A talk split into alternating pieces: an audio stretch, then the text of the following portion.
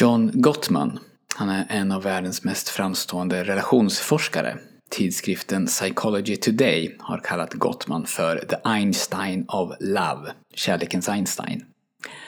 Och genom att studera ett par under bara tre minuter så kan han med nästan 90% säkerhet förutsäga huruvida ett äktenskap kommer att hålla eller inte. Han säger också att han kan bedöma kvaliteten på ett förhållande bara genom att analysera ett urinprov från parets barn. Och jag återkommer förstås till det här. Du lyssnar på Monkey Mindset och jag heter Daniel Sjöstedt. John Gottmans metod bygger på att han har identifierat vilka beteenden som skapar bra förhållanden och vilka beteenden som bryter ner förhållanden.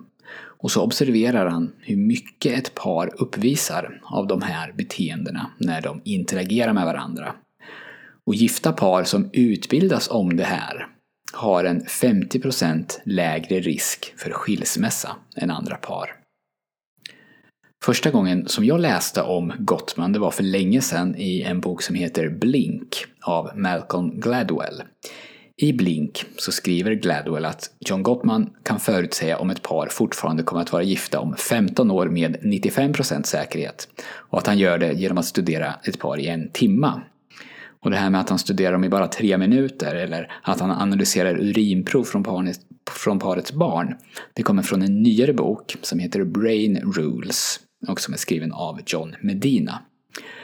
Gottman han har forskat på relationer i många decennier och det florerar därför många olika procenttal och tider i olika artiklar och böcker. Och jag vet inte om det beror på att han förfinar sina metoder eller om det beror på att de här bok och artikelförfattarna väljer att tolka de här resultaten på olika sätt. Så ta därför varje siffra som jag nämner här med en liten nypa salt.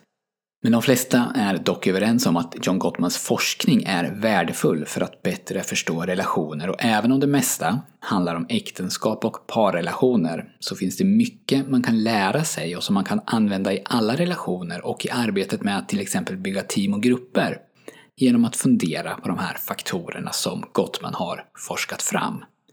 I, i Blink så förklaras Gottmans metod ungefär så här att han och hans team observerar par som pratar med varandra. De videofilmar paren. Sen så går de igenom filmen, mer eller mindre ruta för ruta, och antecknar varje beteende som paren uppvisar. Och det här kan, om jag har förstått det rätt då, handla om miner, ord, blickar, gester, mikrouttryck och så vidare. Så av 15 minuters video till exempel så kan det handla om flera hundra sådana här ögonblickskorta beteenden hos varje individ. Och vad de letar efter det är till exempel sånt som ilska, sorg, uppgivenhet, förakt, gnäll etc. Och när de har gjort det här så har de en lång rad med beteende, beteenden och beroende på hur ofta varje individ uppvisar vissa av de här beteendena så kan man då göra en analys om hur hälsosamt förhållandet är. Och när Gottman säger att han kan utvärdera ett förhållande genom urinprov på paret barn så, så bygger det på det här att en av de faktorer som mest kan förutspå hur det ska gå för en ung person senare i livet, det är hur stabil hemsituation den här personen har när han eller hon är ung. Ju mer hälsosam hemsituation, ju mer hälsosam föräldrarnas relation är, desto stabilare hemsituation och desto bättre förutsättningar för framtiden. Och en ohälsosam relation mellan föräldrarna smittar av sig på barnen genom att de uppvisar bland annat högre nivåer av stresshormon. Och paradoxalt nog så är det så att nöjdheten och harmonin i ett äktenskap tenderar att sjunka precis när man får barn. För helt plötsligt ställs ju nya krav på relationen och det är ofta tufft. Så att få barn kan stressa ett äktenskap och den stressen smittar av sig på barnet. Och John Gottman han förstod det här sambandet och ville göra någonting åt det med den kunskap som han hade. Så han startade ett projekt som, som finns än idag som heter Bringing Baby Home. Och där utbildar man blivande föräldrar i de här faktorerna som är viktiga för ett förhållande. Och enligt boken Brain Rules så gick det alltså att i efterhand se att barnen till föräldrar som hade fått den här utbildningen, de hade fått den innan barnet föddes. De hade sen, när, när barnen växte upp då, de hade ett mer välutvecklat nervsystem än barn som hade föräldrar som inte hade fått utbildningen. Och det här gick att se genom tester och till exempel urinprov. I boken Blink så skriver Malcolm Gladwell att Gottman undersöker 20 faktorer, men det är fyra faktorer som är mycket viktigare än de andra. Och John Gottman han kallar de här fyra faktorerna för “the four horsemen of the apocalypse”. Apokalypsens fyra ryttare, vilket väl är en bibelreferens. Och Gottmans fyra ryttare är då 1. Den fräna kritiken. I originalspråk criticism. 2 det hånfulla föraktet. Och på engelska då contempt. 3. Försvarsbeteende. Defensiveness. Och 4. Tigandets mur. På engelska så kallas det här för stonewalling. Och de här fyra behöver ju som du hör inte begränsas till kärleksrelationer. Det har ingenting med sex eller närhet att göra, utan vi kan ha dem i bakhuvudet även i andra relationer och vi kan använda dem som riktmärke för hur vi beter oss mot andra i till exempel en arbetsgrupp. Den fräna kritiken, det betyder att man, när man kritiserar, att man kritiserar någon personligen. Ofta så handlar det då om att man är ute efter att visa att jag har rätt och du har fel. Försvarsbeteende, det innebär ofta att man tar offerrollen. Man kanske skyller ifrån sig. Man säger så här, ja men. Alltså, man börjar med att hålla med, men i nästa ord så håller man inte med. Eller så möter man argument man får med ett eget argument. Men du då? Du gjorde ju så här. Tigandets mur, det betyder att man blir tyst, att man stänger av. Kanske går man därifrån, mitt under en konflikt. Och hur man jobbar med det här kan ju förstås vara komplicerat. Och det krävs ju först och främst att man blir uppmärksam på hur man själv beter sig. Och det som är syftet med det här avsnittet, mitt poddavsnitt här, det är inte att ge dig så många verktyg för att lösa det, utan snarare bara att få dig att bli medveten om vilka typer av beteenden som är extra skadliga i relationer.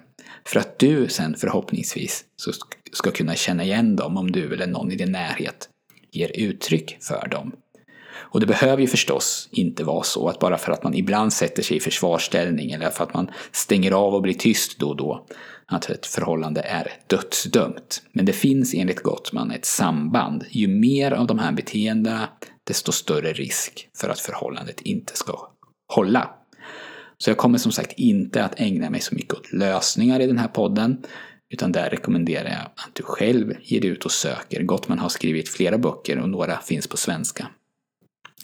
Men några tips är att man istället för att ge sig på och kritisera någon personligen, alltså säga till exempel att du ska alltid eller du är en sån som, så kan man ju vända det mot sig själv. Jag känner att. Och jag behöver. När man berättar om hur man själv känner och vad man själv behöver, så ger man den andra en möjlighet att fylla det behovet. Och det uppfattas generellt sett som mindre konfrontativt än om man bara berättar vad som är fel på den andra. Och försvarsbeteende, det handlar i grund och botten om att man lägger över ansvaret på någon annan. Om man istället själv visar att man är redo att ta ansvar för att lösa en situation och struntar i att utse syndabockar, så ger man sig själv en bättre chans att göra det på ett bra sätt.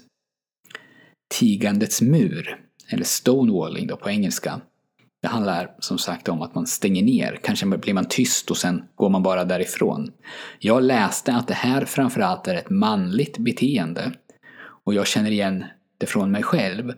Och vad det handlar om enligt Gottman, det är delvis att man stänger ner för att det blir för mycket. Man drabbas av någon eh, känslomässig overload och man vet inte riktigt hur man ska bete sig och då blir man nollad. Och motparten kan ju förstås tolkar det här som att man inte bryr sig. Och det kan ju vara oerhört provocerande. Men när Gottman upplevde det här beteendet, tigandets mur, i sina försök så testade han att bryta in Och, och sen sa han till försökspersonerna att han var tvungen att ändra någonting med försöket och därför bad han deltagarna att ta en liten paus och inte prata om det som de just pratade om förrän den här ändringen var genomförd. Så istället fick de läsa en tidning eller någonting sånt där. Och sen när han sa att nu ska experimentet återupptas igen så nu kan ni börja prata om det där ni pratade om förut. Då hade deltagarna fått lugna ner sig så de kunde resonera mer konstruktivt igen. Så när en part börjar stonewalla då, tigandets mur, så kan det vara bra att ta en liten paus så man kan lugna ner sig och samla tankarna. Så de här tre, kritik, försvarsbeteende och tigande, det är beteenden som man kan vara uppmärksam på och till och med berätta om för varandra när de uppkommer. Förutsatt då förstås att man har gått igenom det i förväg och är överens om att man ska försöka undvika de här beteendena. Det som är svårare, tror jag, och det som mer än någonting annat bryter ner ett förhållande, det är punkten eh, det hånfulla föraktet, contempt. När man visar förakt mot någon så har man inte längre någon respekt för den personen. Förakt har på sätt och vis med värde att göra. Om jag visar förakt för dig så säger jag på någon nivå att jag tycker att jag är värd mer än dig. Jag är en bättre människa än dig. Personer kan ju ha olika åsikter och personer kan vara väldigt osams utan att för den delen tappa respekten för varandra. Och då finns det ofta en väg tillbaka. Men det hånfulla föraktet dödar det. Det kanske mest kända exemplet på det här som jag vet är från den 9 september 2016. Och då lät det så här. To just be grossly generalistic, you could put half of Trump's supporters into what I call the basket of deplorables. Right? The racist, sexist, homophobic, xenophobic, Islamophobic, you name it. And unfortunately, there are people like that.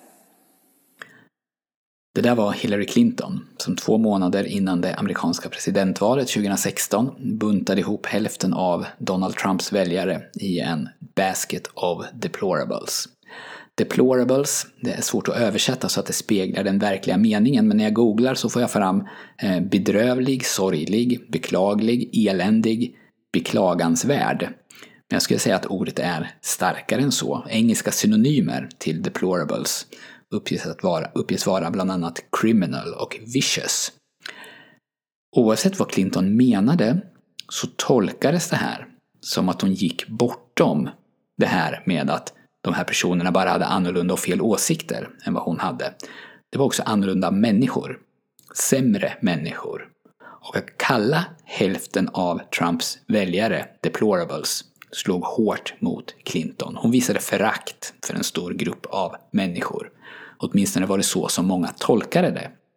Det finns många som anser att det var just det här talet och just den här sekvensen som gjorde att Clinton förlorade mot Trump. Och om man ser till enskilda händelser så var det ingen händelse som i lika stor utsträckning fick osäkra väljare att bestämma sig för Trump än just det här talet och självklart uppmärksamheten runt omkring det.